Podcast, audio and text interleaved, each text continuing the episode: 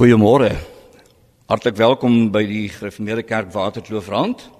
Ons wil in besonder die luisteraars van RSG ook verwelkom. Kom ons verklaar ons afhanklikheid van die Here.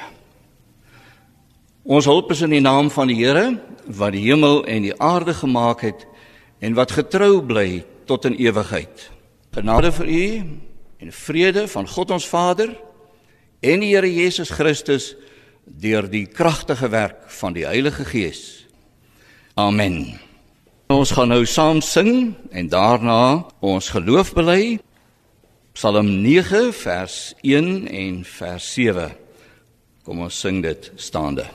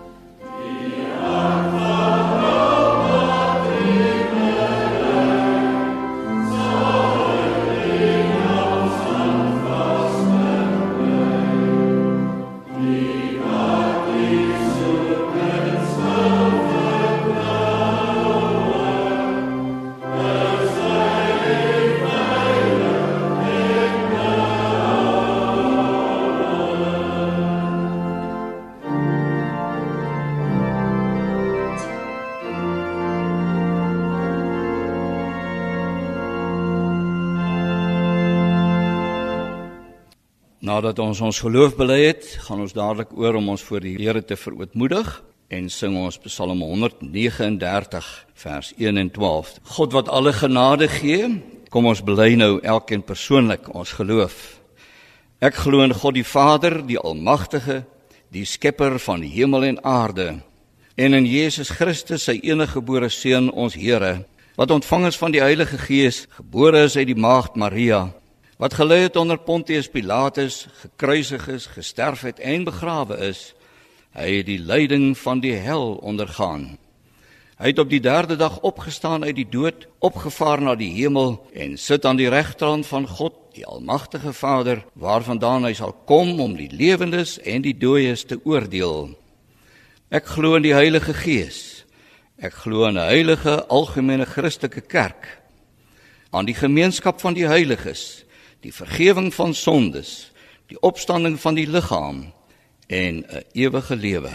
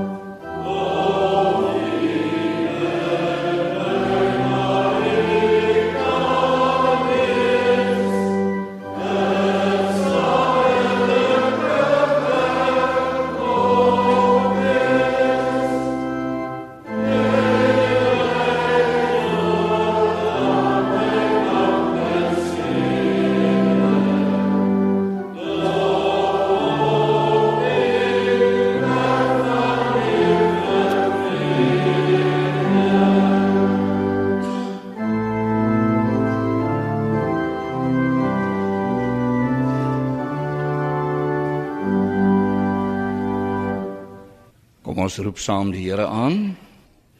Ons Vader, ons is diep bewus nou dat ons ook dit gesing het en uit u woord gesing het dat u alles weet. Dat u ons hele lewe ken. In 'n sekere opsig, Here, wil dit ons verskrik want ons steek baie dinge in ons gedagtes weg. En ons weet u sien dit alles, u ken ons deur en deur. U ken ons motiewe. U ken ons besluite. U ken ons voornemens. U ken ons, Here. Maar aan die ander kant, ons weet ook die feit dat U ons ken en ons spesifiek in Christus ken. Ken as verlosstes Daarin verheug ons ons ook. En U ken ons swakheid en U Here deur U seun ons U eiendom gemaak. En daarom nie wanneer U na ons kyk, sien U ons nie aan soos ons in onsself is nie, maar in die verzoening wat ons Here bewerk het. U sien ons nie as mense wat kom bedel of as buitestanders nie maar as u erfgename, as u kinders. En daarom wil ons ook vanoggend voor u kom en vergifnis vra vir ons sonde. Ons bid Here dat u ons nie dit sal toereken nie. Ons bid dat u ons deur u Heilige Gees die krag sal gee om ons voornemens om u met oorgawe te dien sal vasmaak. Ons die krag daarvoor sal gee dat dit nie maar net voornemens sal bly nie, maar tot dade sal oorgaan. Ons sal in hierdie oggend saam met medegelowiges wat saam met ons ingeskakel is, kom om te bid vir hulle wat in nood verkeer. Ons bid vir hulle wat siek is. Ons bid vir hulle wat as gevolg van ouderdom alreeds baie swaar kry. Ons bid vir hulle wat deur ander mense in die steek gelaat is en verontreg voel. Ons bid vir hulle wat depressief is. Here, wees vir u kinders 'n God van nabyheid. Ons wil ook in hierdie gebed voor u kom vir hierdie land waarin ons woon. Onse Vader, alleen u kan weer vir ons koers gee. En daarom bid ons vir elkeen wat lyding gee, besonder vir die Christene, dat hulle die krag en die insig sal gee om te weet wat om te doen, wanneer om dit te doen en hoe om dit te doen. Dat ons weer op koers kan kom maar gee in besonder ook vir u kerk, vir u gelowiges ruimte hier in Suid-Afrika sodat ons die evangelie, die blye boodskap kan bly verkondig. Seën ons nou in hierdie oomblikke saam as ons u so aanbid in Jesus Christus se naam. Amen. Gemeente uit die woord van God lees ons Efesiërs 3 vanaf vers 14. Daarom kniel ek in die gebed voor die Vader aan wie die hele gemeenskap van gelowiges in die hemel en op die aarde sy bestaan te danke het. Ek bid dat hy deur sy gees uit die rykdom van sy heerlikheid aan julle krag sal gee om innerlik sterk te word, dat Christus deur die geloof in julle harte sal woon en dat julle in die liefde gewortel en gegrondves sal wees.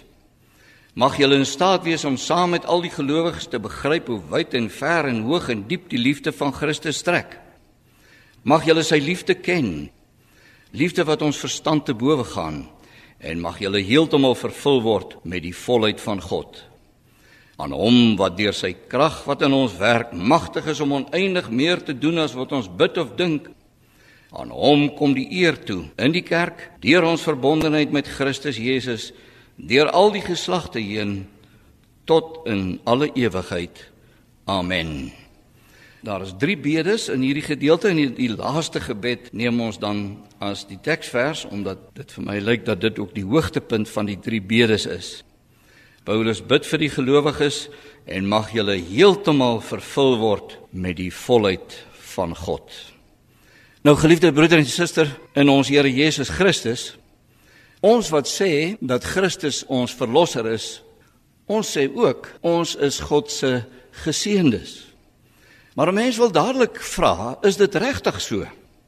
Gebeur daar nie ook maar met gelowiges aaklige dinge nie? Word ons nie ook maar siek nie? Verloor ons nie ook maar tragies ons dierbares nie? Ly ons nie ook saam met ander mense as dinge in ons land verkeerd loop nie? Word ons nie ook maar soos ander mense deur naby mense in die steek gelaat nie? kan ons regtig daarop aanspraak maak dat ons wat in Jesus Christus glo, God se geseëndes is. Wanneer 'n mens die Efesiërbrief lees en in besonder hierdie gebed wat ons ver oggend gelees het, behoort twee dinge vir ons baie vas te staan. Eerstens, 'n gelowige is reeds 'n geseënde mens. En tweedens, 'n gelowige kan as geseënde leef in sy lewe of haar lewe van elke dag. Nou eerstens dan, as Jesus Christus my verlosser is, is ek reeds 'n geseënde. Het jy gehoor die gebed wat ons gelees het van Paulus?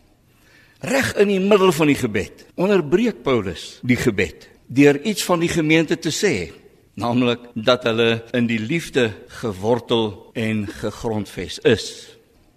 So hy bid en dan net om te beklemtoon vir wie hy bid, Hulle is gewortel en gegrond in die liefde. Ek wil dadelik sê dit moet ons weet van 'n gelowige, van elke ware gelowige. Ek kan amper sê dit is my status. Die status wat God aan my gegee het. Nou hierdie liefde word in die voorafgaande hoofstukke baie duidelik vir ons uiteengesit, nê? Nee. God wat sy geliefde gestuur het, sy geliefde wat vir ons gesterf het en opgestaan het, sy geliefde wat vir ons intree, ons wat met die Heilige Gees verseël is. Dis die liefde waarvan hy praat. En nou beklemtoon hy met twee besondere beelde eintlik hier baie kort dit wat dit vir ons beteken dat ons gegrond en gewortel is. Want let op, om gewortel te wees wys baie duidelik na 'n boom wat in die grond groei en sy wortel diep in die aarde insteek. Dis gewortel en gegrond wys op 'n gebou wat op 'n stewige fondament staan. Wat hy beklemtoon is, van God se liefde kan ons nooit losgeruk word nie.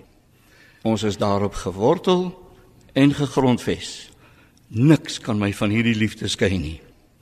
Mag ek jou dan vra gelowige, jy wat in Christus glo, begryp jy dat jy reeds geseënd is, dat jy onlosmaaklik gebind is aan die liefde wat God reeds in sy seun aan ons bewys het.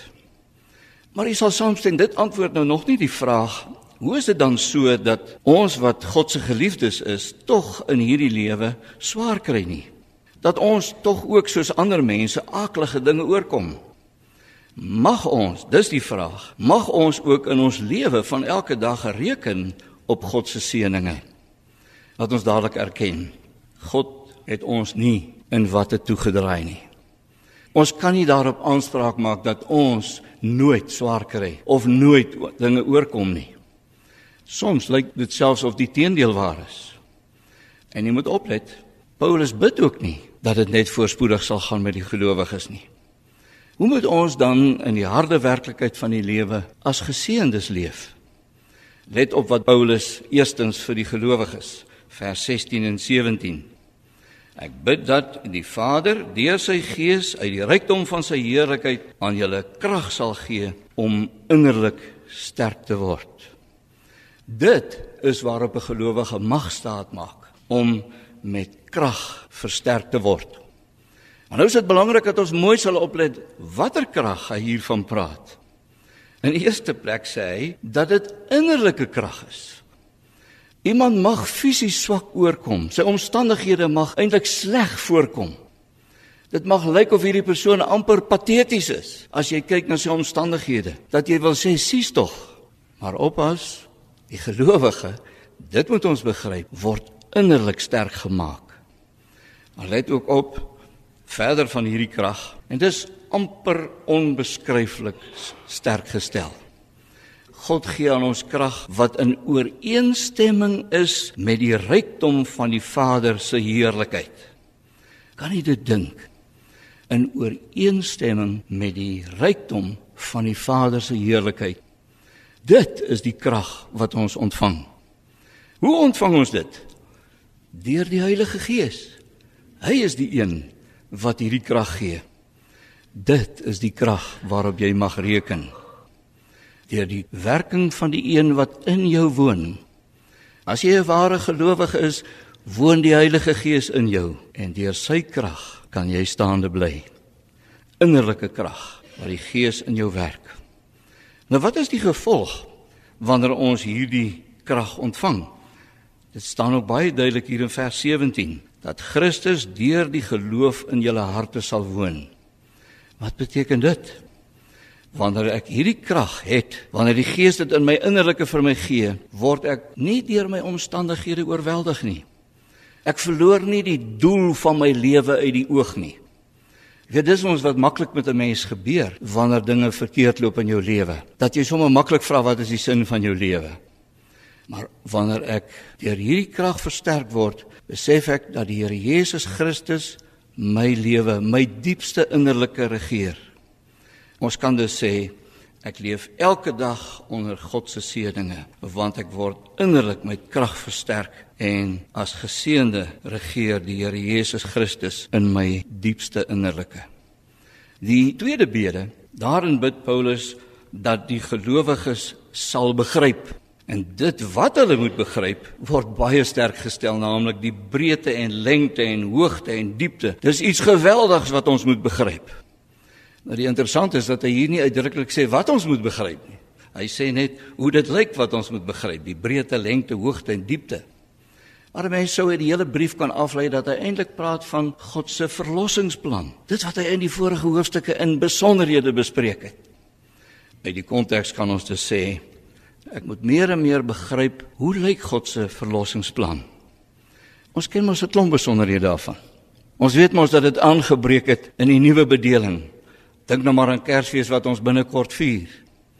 Ons Here Jesus se koms na hierdie aarde, eintlik al begin met die aankondiging van Johannes die Doper se geboorte. Daar in die tempel word dit aangekondig. Ons Here Jesus se koms en dan sy lewe, sy prediking, sy wonder, maar uiteindelik die kruisiging, die graf, die opstanding, die hemelvaart, intree vir die gelowiges en die wederkoms wat ons verwag.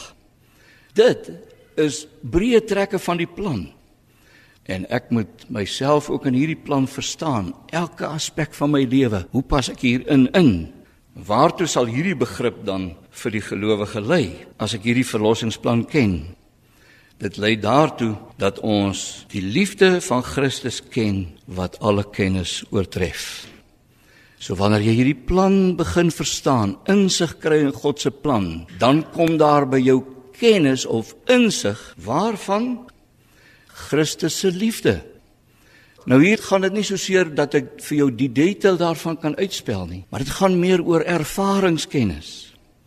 Jy weet wanneer daar in 'n mens se binneste as gevolg van dinge wat met jou gebeur opstand kom of 'n verslaandheid kom of 'n moedeloosheid kom of 'n dreigende ongeloof kom dan tree omdat ek God se verlossingsplan ken tree Christus se liefde sy omgee liefde sy versorgende liefde vir my op die voorgrond Paulus bid ook nog 'n derde bede wat ons as ons teksvers geneem het Ja, dit is inderdaad die kortste van die drie bedes, maar ook die hoogtepunt, die klimaks daarvan. Paulus bid dat die gelowiges vervul kan word tot al die volheid van God. Kan jy dink wat vra hy? Dat ons gevul sal word tot al die volheid van God. Dit klink onmoontlik nie waar nie. Wel was dit moontlik in sy volle heerlikheid met een mens wat waarlik God ook was en is, naamlik Jesus Christus. Ons lees van hom in Kolossense 2 vers 9, want in hom woon al die volheid van die godheid liggaamlik. In hom, soos wat hy as mens hier op aarde was. Dit is die aangrypende van Kolossense 2 vers 9. Maar hoewel dit nooit van ons moontlik is dat God so in ons kan woon nie, moet ons ook nie die gevolge van dit wat God in sy seun Jesus Christus en deur die Heilige Gees bewerk het, daardie eenheid met hom onderskat nie. Wat sou dit dan beteken dat ons vervul moet word tot al die volheid van God? Laat ons eers vra, wat sou dit beteken as iemand leeg is? As iemand dus nie gevul is nie of geensins die volheid van God ken nie? Miskien sou die woord te vergeefs 'n goeie beskrywing van hierdie toestand wees. Dat alles vir 'n mens uiteindelik op niks uitloop nie. Dat jou lewe wat jy dink sin het en waarna jy gryp na alles wat vir jou sin maak, op die ouend by die punt kom wat jy sê, wat het ek tog daaraan? Alles was te vergeefs. Ja, dat die dood self dan die te vergeefsheid na vore bring of selfs in my lewe. Dit is wanneer iemand die volheid van God nie ken nie. Daarteenoor die gelowige, wie se lewe gevul moet wees met die volheid van God. Hoor weer. Gevul is waarmee? Met die volheid van God. Kom ons noem twee voorbeelde. En ek erken ruiterlik dat hierdie nie so maklik is om dit te verduidelik nie. Ook die kommentare wat ek hieroor geraadpleeg het, sukkel om dit te verduidelik en ons kan dit amper maar net met stamelende woorde verduidelik. Dink daaraan, God het die lewe in homself. Dit sê ons Here Jesus in Johannes 5 vers 26. God moes nie die lewe kry nie. Hy het die lewe in homself. En ons, ons wat in Christus verlos is, ons ontvang van hom die ware lewe, die ewige lewe. In 2 Petrus staan daar dat ons deel in die goddelike natuur. Aangrypend. Ons word nie gode nie, nooit nie. Ons kan nooit soos ons Here Jesus die volheid van God hê in onsself nie, maar ons ontvang die ware lewe. Dink ook daaraan God verkeer in volmaakte heerlikheid en u weet hy het aan Christus nadat hy gesterf het, opgestaan het en opgevaar het, het hy sy seun verheerlik. In heerlikheid is ons Here Jesus Christus nou by God en ons Ek lees graag vir u Romeine 8 vers 17. Aangesien ons deel het aan Jesus Christus se lyding, sal ons ook deel hê aan sy heerlikheid. Dit is waarheen ons op pad is. Dit is waarin ons ons nou al kan verbly.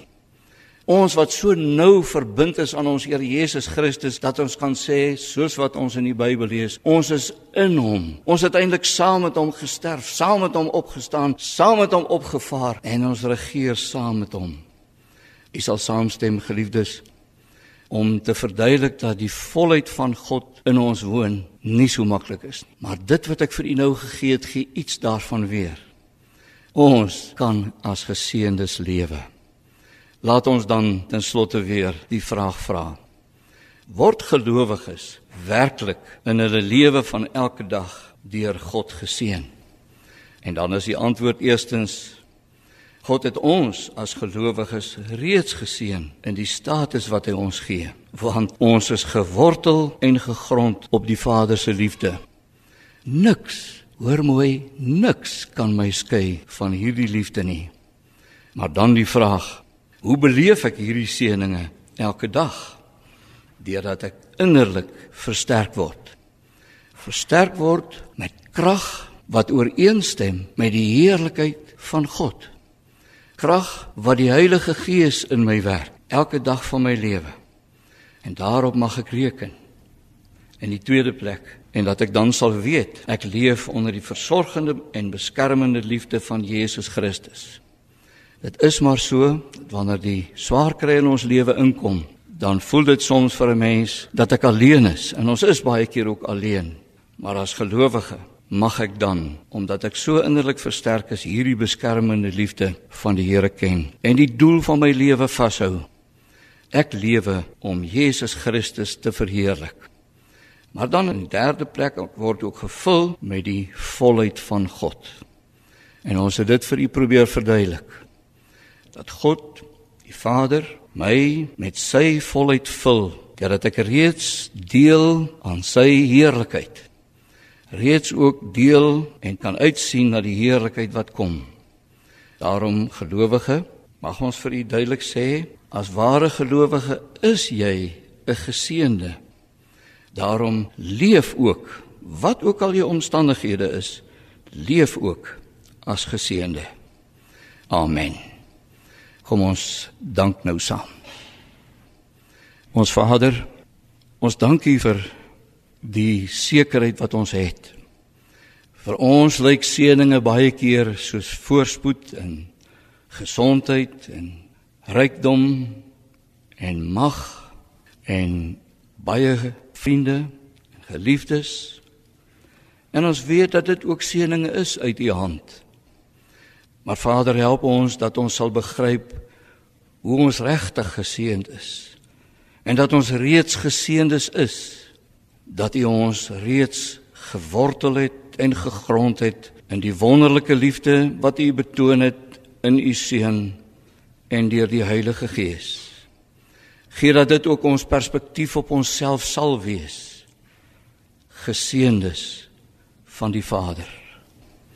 Maar help ons ook Here om elke dag van ons lewe daarop staat te maak dat U ons innerlik met krag, die besondere krag wat U in U woord hier duidelik vir ons gee, sal versterk.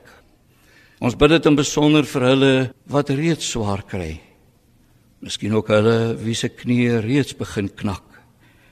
Wat reeds begin voel dit word te veel. Ons bid Here dat ons met hierdie krag besonderlik sal weet van u versorging. Ons bid ook Vader dat U ons sal lei om meer en meer ons te verwonder oor U verlossingsplan, sodat ons die regering van ons Here Jesus Christus in ons diepste innerlike sal ervaar. Dat ons nooit ons doel op hierdie aarde uit die oog sal verloor nie. Dat ons meer en meer sy beeld sal vertoon ook wanneer dit nie met ons goed gaan nie. En Here, alleen omdat u in u woord dit so openbaar waag ons dit om te bid. Vul ons Vader met u volheid gee dat ons meer en meer ook sal groei en sal uitsien na daardie dag as ons volheid sal deel in die heerlikheid van ons Here Jesus Christus. Ons bid dit as u kinders en as u geseëndes.